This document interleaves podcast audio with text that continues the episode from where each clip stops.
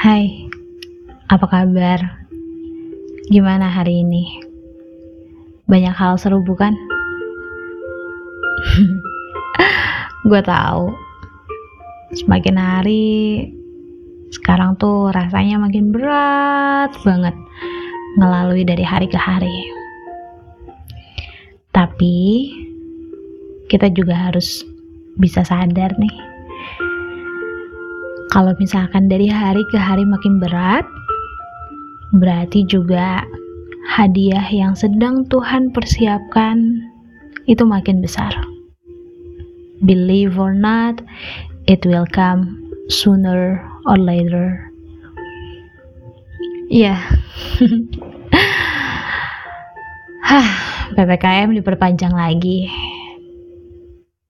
Itu tandanya akan lebih banyak lagi rindu yang harus ditabung, akan lebih banyak lagi kesendirian yang dirasakan, akan lebih banyak lagi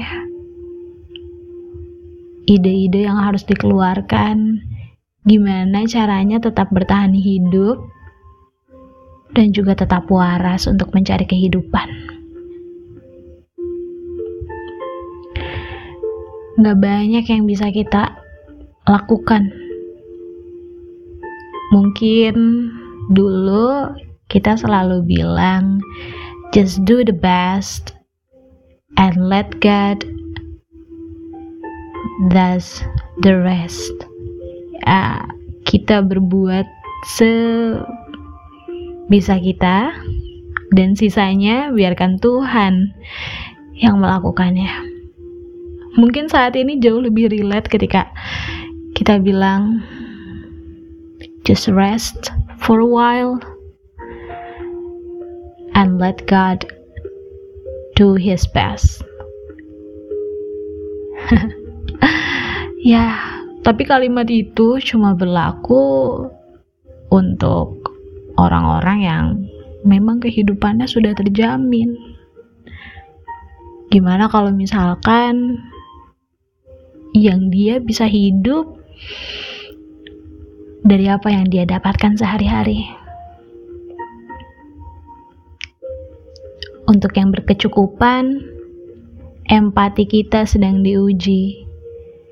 Sejauh mana mata kita melihat dan sedalam apa hati kita merasa. So, untuk teman-teman dan juga pendengar dari podcast santai tapi sampai. Yuk kalau ada yang berlebih entah itu harta pikiran ataupun perasaan kita bagi-bagi yuk.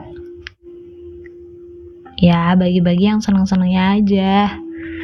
Jangan masalah kita bagi-bagi ke orang Karena rasanya semua orang sedang punya masalah hari ini, tanpa terkecuali. Kalau lagi punya uang berlebih, kita donasi. Kalau senang kita berlebih, kita berbagi. Kalau pikiran kita berlebih,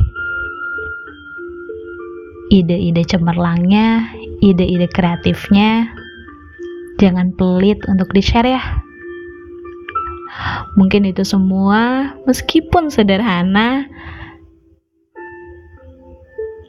bernilai lebih untuk orang yang gak tahu harus ke mana kaki ini melangkah, tangan ini berbuat, dan pikiran ini menciptakan ide-ide. Saat ini kita nggak pernah tahu action terkecil apa yang dampaknya bisa menjadi besar. So, selama itu untuk kebaikan, jangan pernah mikir terlalu panjang. Karena saat ini semua orang butuh pertolongan tanpa terkecuali dan juga jangan lupa hatinya tetap meminta kepada Tuhan supaya pandemi ini segera berakhir. Kita semua sudah sama-sama lelah, tapi kita semua tetap harus berjuang. Anyways, hari ini gue dapat apa ya nyebutnya mungkin ilmu baru dari seorang psikolog yang videonya gue temukan tidak sengaja di TikTok. ya, saat ini TikTok, YouTube, and any social media platform jadi jalan ninja kita untuk tetap menjaga waras ya meskipun banyak yang toksiknya tapi harus kita pintar-pintar ngefilternya ya. Tapi ini ada ungkapan yang bagus dan juga cukup mind blowing buat gue di mana psikolog itu bilang kita itu kadang gak bisa bedain mana feeling good mana healing good. Feeling good. Berarti merasa lebih baik. Ketika kita mendapatkan masalah, kadang kita tuh pengen cepet-cepet untuk berdamai. Jadinya nyari pelampiasan. Mungkin pelampiasannya ada yang melakukan traveling, shopping, eating, or anything kayak misalkan gue untuk merasa lebih baik gue akan nyari kopi pahit. Ya sementara mungkin itu menenangkan. Just feeling good. But it's not for healing good. Tapi masalah yang gue punya itu nggak selesai. Itu nggak sembuh. Karena itu semua adanya tidak secara fisik. Karena itu semua akan terus berulang ketika memang belum selesai. Ya, memang short escape nggak salah, tapi kalau misalkan terus-terus short escape, it will be long escape. Akan menjadi persembunyian atau pelarian yang panjang. Dengan dalih berdamai, nyatanya perasaan itu belum selesai.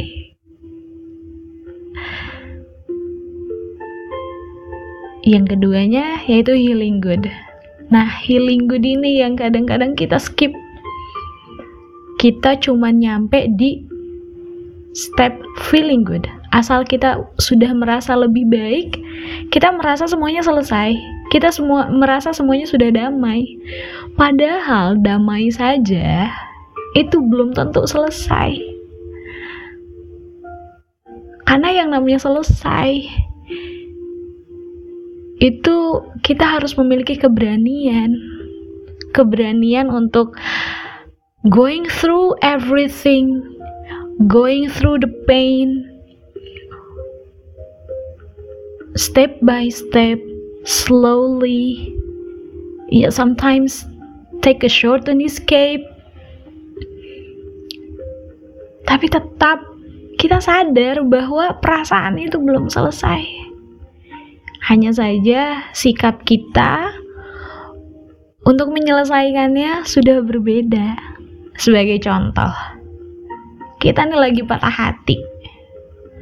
By anything ya, mau itu karena keluarga, mau itu karena pekerjaan, mau itu karena mimpi, atau sekalipun karena pasangan. Ada aja alasan kita untuk membuat perasaan kita jauh lebih baik. Salah nggak? Enggak. Misal, ada yang tiba-tiba solo traveling, ada yang minum kopinya sehari 6 gelas mungkin, atau bahkan banyak kan sekarang kejadian ketika seseorang ya stress, depressed, itu larinya ke sorry mungkin alkohol atau obat-obatan terlarang. Ya yeah, it just for making us feeling good ya cuma untuk merasa lebih baik tapi tanpa kita sadari perasaan itu belum selesai patah hatinya belum sembuh Untuk sembuh harus kayak gimana? Ya untuk sembuh, selain sadar, kita harus sabar. Sabar untuk going through all that pain. Ya, melewati semua kesakitan itu. Step by step. Ini jadi pengingat juga buat gue karena gue sendiri kalau misalkan lagi stres, itu pasti nyari shortcut. Nyari jalan pintas. Gimana caranya gue harus bisa baik-baik saja? Secara instan.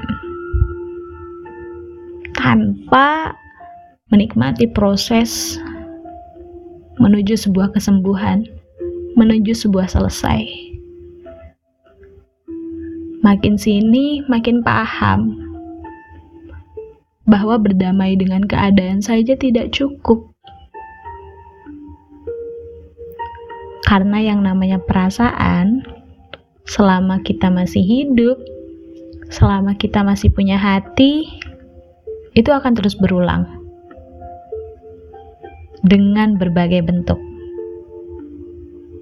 Bahagia, sedih, tidak selesai dalam satu hari, bukan? Besoknya, kita akan menemukan kebahagiaan, kesedihan, keraguan, ketakutan dalam bentuk yang lain yang berbeda dari hari kemarin. So, semoga kita tidak selalu berusaha untuk feeling good, tapi juga healing good. Kuncinya apa? Kuncinya adalah sadar dan sabar. Semoga segera menemukan jalannya ya. Untuk kamu yang sedang berjuang, selamat.